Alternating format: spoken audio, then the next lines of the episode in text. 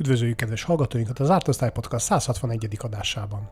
A mikrofonnál Charles Tatler és adásunk felvételekor 2023. január 29-e vasárnap van. És miről fogunk ma beszélgetni? Hoztam egy csomó érdekes hírt AI-ról, drónokról, iskolai megfigyelésről, ráadásul még egy tévésorozatot is elő fogunk venni. Nem megint egy csomó ai hír lesz? Nehéz lenne amellett elmenni, hogy a hírcsatornákon folyamatosan ilyen-olyan ai a mesterséges intelligenciával kapcsolatos hírt találunk. Annak ellenére, hogy masszív leépítések történnek ezekben a pillanatokban a technológiai cégeknél, ahonnan ezrével bocsátják el az embereket, akár az Amazon 17 ezres, akár a Google 10 ezres, akár a Microsoft leépítései, de akár kisebb cégeket is megnézve, jelentős, akár 10-15 százalékos technológiai leépítésbe fogtak a nagyok. Na, akkor visszaesik mindjárt a bitcoin ára. Miért, Süni néni? Hát azok a fiatal tákmágusok, akik a fölös pénzüket beinvestálták bitcoinba, meg hasonló kriptovalutákba, most utcára kerültek. Ezek a fiatalok nem tudnak ám takarékoskodni, nem úgy, mint én. Múltkor is összeszedtem az összes lehullott diót. Süni a visszatérne a témára? Ja, persze. Tehát szerintem ezek a fiatalok most kikerültek az utcára, és mivel nincsen megtakarításuk, fel fogják élni a bitcoin készleteiket. Tehát kiértékesítik az összeset, ami csak van. Ettől aztán jó bezuhan majd az ára, amikor több tízezret elkezdik kijönteni a piacra.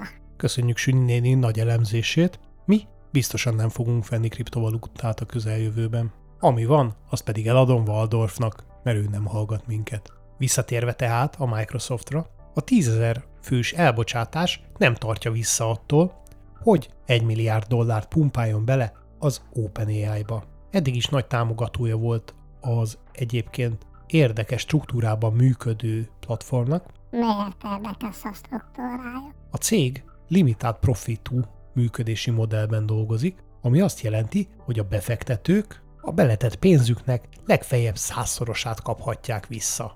Annyira én is beletenném. Hát, ha volna mit, ugye? Microsoft eddig is nagy támogatója volt az OpenAI-nak, közel 49%-nyi részesedést próbál benne szerezni. Eddig már 2 milliárdot belepumpált 2019 és 2023 között, most ez fejeli meg egyel. Állítólag a Bing, a Bing ugye a Microsoft kereső motorja azoknak, akik ö, esetleg nem vették még észre, hogy ezt próbálja beletolni a felhasználók arcába, és nem a pontos jó találatairól híres. Ezt szeretnék megvadítani egy ChatGPT is beszélgetős keresőfelülettel. De várjál, ha mögötte nem jó az adatbázis, amiben keresnek, akkor az mire lesz jó? Hát jól elbeszélgethetsz a keresővel, ahelyett, hogy választ kapjál. Közben a Google házatájáról is jelentették azt, hogy a kereső óriás némiképpen megrettent a ChatGPT népszerűségétől, és úgy döntött, a saját AI kutatásaiba belepumpál némi pénzt, ha a hírek nem hazudnak, 10 milliárd dollárnyi kutatást szeretne az idei évben belerakni a mesterséges intelligencia szolgáltatásokba, azokba, amelyikből publikus eredményeket vár, tehát nem csak a háttérben futó okosságok, hanem a ChatGPT-hez, Midjourney-hez, Stable Diffusion-höz hasonló publicitást is eredményező AI kutatásokba is szeretne pénzt fetszölni. Ha már szóba került a ChatGPT, érdemes megemlíteni a szolgáltatásra alapozott új megoldását a Do Pay-nek, amely cég eredetileg arra szolgál, hogy robot segítségével különböző szolgáltatás felmondásokat, számlaegyeztetéseket, csíp adminisztrációs ügyeket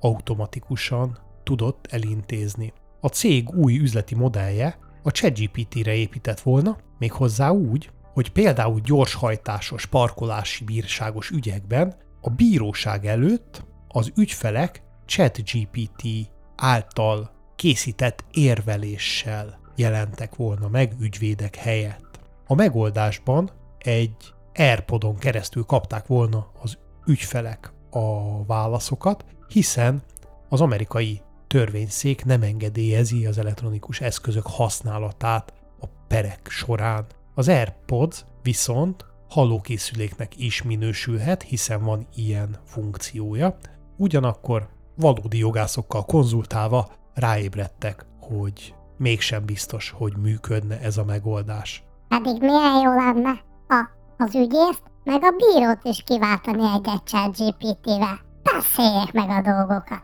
Az embernek oda se kell mennie. És akkor az nyerne, akinek frissebb a ChatGPT verziója? Senki nem írta elő, hogy a következő verzió jobb lesz, mint az előző. Bizony, ezek az AI-ok csak a beléjük táplált korpuszból, adatmennyiségből tudnak dolgozni, így csak azzal, hogy bővített tudástára van, nem biztos, hogy pont abban a területen jobban fog tudni érvelni. Például hiába tanították be a DARPánál emberfelismerésre a robotot, ha a tanult mintázat az emberek általános mozgását követte. Mint kiderült, a nem régiben elkészült mozgásfelismerésre betanított robot a DARPA néhány tengerészgyalogos segítségével hat napon keresztül tanított mozgások felismerésére egy mesterséges intelligenciát, majd amikor kísérletképpen megpróbálták megnézni, hogy mennyire lehet azt átverni, kiderült, hogy a szokványos mozgások felismerése mellett a nem szokványos mozgások nagyon-nagyon erősen kifognak rajta. Néhány tengerészgyalogos azzal vert át a rendszert, hogy szaltózva közelítette meg, néhányan bizonyosan Shakespeare magbetjéből inspirálódva magukat erdőnek álcázták, és faágak takarásában közelítették meg a robotot, de az újkori játék történelem egyik klasszikusából, a Metal Gear Solidból származó trükkel egy kartondoboz alá bújva kényelmesen át tudták verni a robotot. Hát ennyit bármilyen mozgásérzékelő röhögve megcsinál. Mibe került ez? Hát valószínűleg ez csak egy olcsóbb kísérletecske volt. Kérdés akkor, mi lesz, hogyha megpróbálják megkülönböztetni a barátságos és nem barátságos katona egyenruhákat? Kartonvállapokkal majd meg lehet oldani, hogy a robotkatonákat harcba lehessen küldeni. Csak egy kis zsírkréta meg alufólia kell hozzá. Ezekkel a nyavajás AI-okkal mindig megfigyelnek minket. De hát ezzel lehet hatékonyabbá tenni az életet, nem? Úgy gondolta legalábbis a Northeastern University, ahol kitalálták, hogy környezeti monitorokkal figyelik az aktuális kihasználtságát az épületeknek, méghozzá nem csak a folyosókon, de a termekben is. Nagyon helyes. Jó dolog az. Nem így gondolták a tanulók, akik ö, kifogásolták azt, hogy az asztalokba egyedi hőérzékelőket ültettek. Ezek a hőérzékelők kifejezetten az asztal lapja alatt található testrészek hőjére voltak figyelmesek, hiszen ez a legjobb módja annak, hogy megállapítsuk valaki üle éppen aktuálisan egy asztalnál. Annak ellenére, hogy ezek a hőszenzorok nem rendelkeznek optikai felismerő képességgel, sőt a hőmérsékletet is csak határérték alatti és feletti módon detektálja, tehát nem pontos hőmérséklet adatokat, vagy akár hőkamera felvételeket készít a tanulóról, mégis erős beavatkozásnak érezte a tanuló társadalom az ő belügyeire. Ugyanezek a hallgatók viszont folyamatosan TikTokra rakják fel a saját képeiket, ugye? Az nem zavarja ők. Persze, és minden sarokban ott van a megfigyelő kamera is, ami viszonylag részletes képet tud nyújtani a viselkedésükről. Hát az már túl bonyolult, hogy megértsek. De ha már szóba jött a hőérzékelés, talán még Süni néni is emlékszik arra az epizódunkra, amikor a Vanta Black és a Superfehér összehasonlításából arra jöttünk rá, hogy milyen jó lenne ezekkel épületeket bevonni, télen a Vanta Black elnyelni az összes beérkező hősugarat, míg nyáron mindent visszaverne a fehér.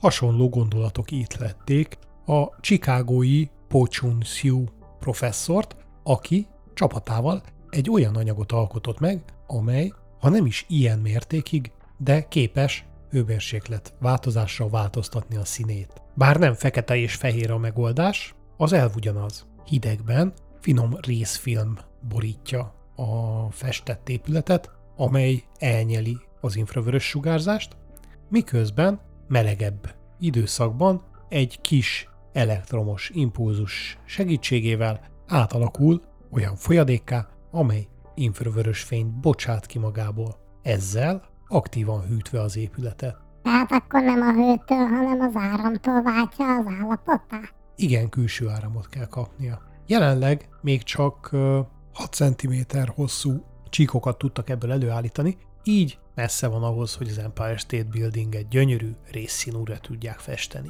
És akkor ezt rárakják az ablakokra is? Mert hát ugye az üvegfelület az ugyanúgy melegít, mint egy üvegház. Hát először szerintem a felskálázást kéne megoldaniuk. Illetve kíváncsi vagyok rá, mégis mennyire ezet kell ehhez felhasználni. Nem tudom, de ha így megy tovább, akkor már tényleg lesz rész van fütyüdő rézanyja. Na de ha már átnéztünk az óceán túloldalára, nézzük, mi más érdekességgel tudnak meglepni minket az amerikaiak. Nagyon érdekes megoldással állt elő nemrégiben az Amazon. Az Eric Passnak nevezett gyógyszertári előfizetés arra alkalmas, hogy 50 gyakori tünetegyüttesre szükséges gyógyszereket lehet megrendelni. Potom 5 dolláros havi díjért. És milyen betegségekre jó? A 80 között az általam ismert cikkben csak párat emeltek ki, természetesen köztük van magas vérnyomás ellen használt generikus gyógyszer, általános antidepresszáns és még hajnövesztő pirulák is. A jelenlegi 80-as listát a tervek szerint a későbbiekben növelni fogják. Tehát, ha én 5 dollárt fizetek neki, és azt mondom, hogy nekem mind a 80 van, akkor kapok 80 fajta gyógyszer. Fellendül a fekete piac. Ez az 5 dolláros bevezető ár, ez valóban egy kicsit alacsonynak tűnik, hiszen ezek nem TB támogatott gyógyszerek, tehát teljes áron, teljes havi adagokban kerül ennyibe. Ráadásul a 2019-es amerikai felmérés alapján egy átlagos amerikai 164 dollárt fizet havonta gyógyszerekre. Akkor ez lehet, hogy behetett, és nem? Aztán ha rászoknak, akkor a következő adag már drágább.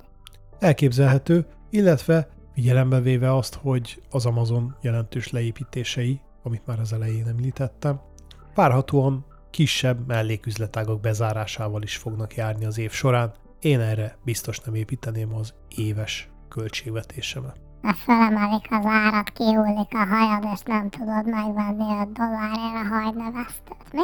Ez is egy feltételezhető ok, igen. Keressünk valami szórakoztatóbb témát. Nem tudsz valami jó tévéműsor? Mindenkinek tudom ajánlani a Netflix fentről jövő ügynök, talán szabad fordításban, vagy mennyei ügynök filmsorozatát. Na, nem azért, mert hogy ez egy olyan jó koreai sorozat lenne, amit mindenkinek meg kéne nézni, hanem inkább azért, mert érdekel, hogy hogy fognak kijönni abból a balesetből, ami nem régiben történt az egyik forgatáson. Mi történt? Összecserélték a vegán pizzát a sajtosszal. Nem, egy sokkal kellemetlenebb probléma ütött be forgatás közben. Az egyik főszereplő, Kaiko, a jól ejtem, akciójelenet forgatás közben összeütközött egy drónnal, vagy fordítva. Szegény baba arcú színész arcát teljesen összevagdalták a rotorok, annyira, hogy 30 öltéssel kellett összevarni a kórházban.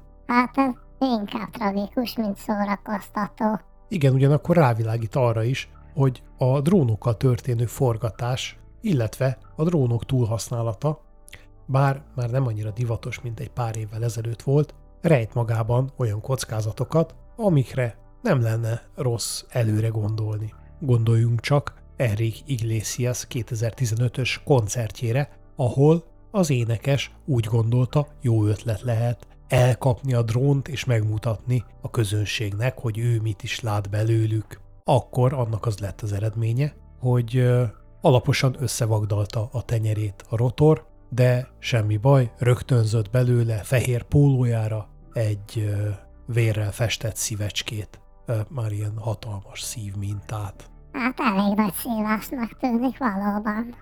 Hoztál mást is, mint ezt a koreai nyomozós sorozatot? Hát persze, ha már kórai sorozatok, akkor mindenképpen érdemes az elmúlt év nagy slágerét, a Squid Game-et felhozni. A hihetetlenül népszerű Battle Royale jellegű filmsorozat megihlette a Netflixet, ha másra nem is arra, hogy még egy bört lehúzzon róla. A jelenleg fejlesztés alatt álló Squid Game The Challenge egy reality show, amelyben az eredeti sorozathoz hasonlóan 456 a világ minden részéről érkező versenyző mérkőzik meg az utolsó helyért. Ez jó. És ugyanúgy kinyírják őket, mint a sorozatban?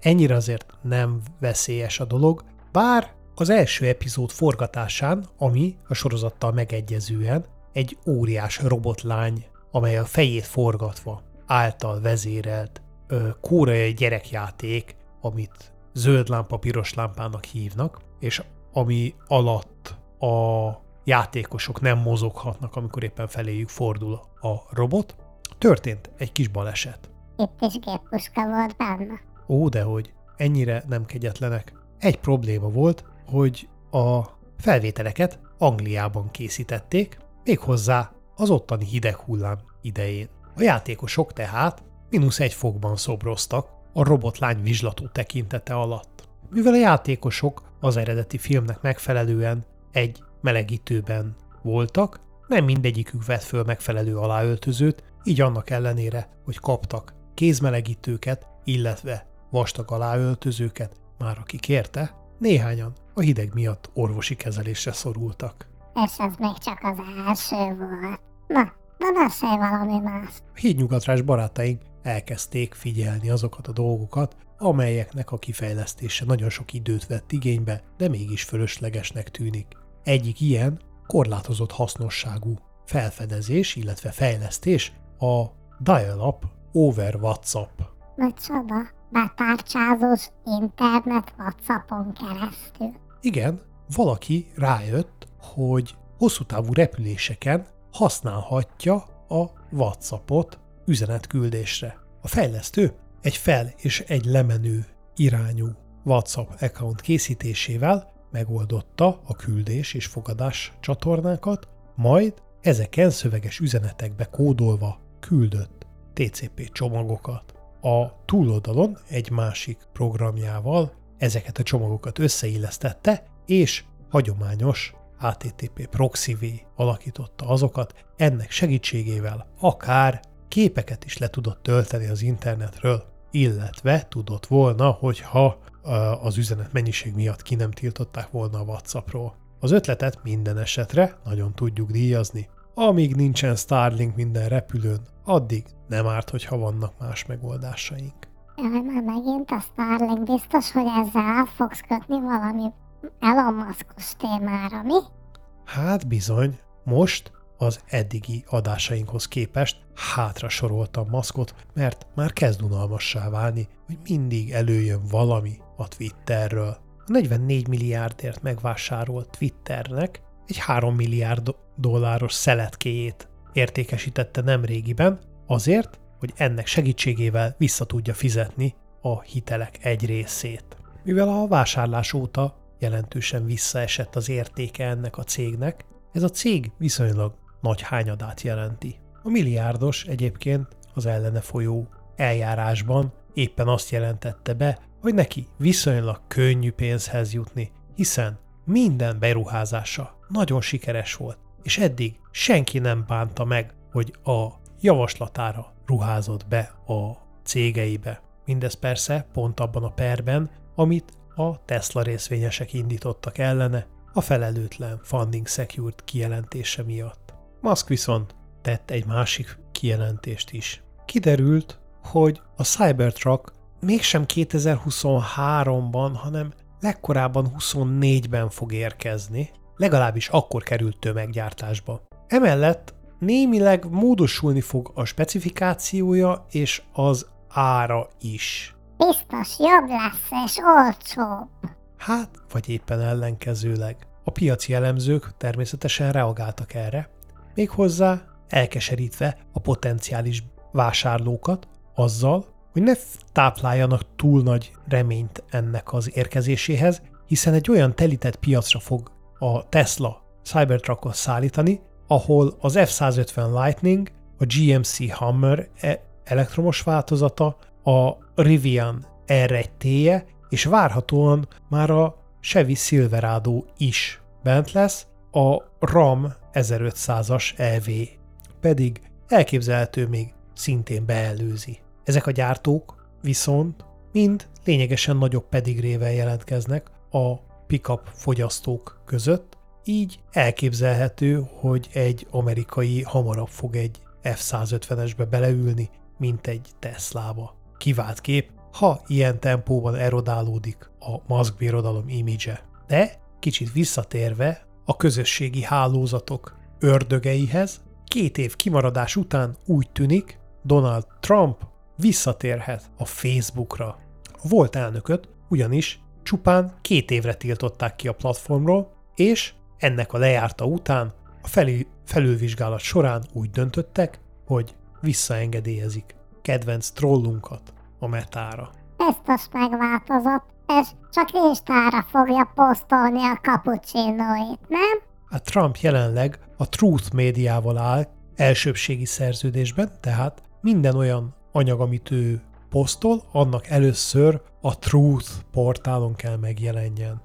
Természetesen másodközlésben más csatornákra is kirakhatja azt, de csak 6 órás késleltetéssel. Mivel Trumpot most már több nagy platformra is visszaengedték, elképzelhető, hogy ezt a szerződését júniussal, amikor az lejár, nem fogja újra meghosszabbítani. De várjál, a Truth Media az nem az övé, tehát magával nem szerződik tovább. Elvesztette magában a bizalma, szegény ember. Kíváncsi vagyok rá, hogy kiket tud maga mellé állítani ismét, illetve képes-e újra olyan követőtábort felállítani, amely lehetővé teszi a politikai visszatérését. Erre a hétre most ennyi fért adásunkba, jövő héten ismét jelentkezünk, addig hallgassatok, lájkoljatok, sereljetek, értékeljetek minket 5 csillagra, illetve kövessétek Discord csatornánkat, ahol izgalmas témákat szoktunk megbeszélni. Sziasztok! Sziasztok!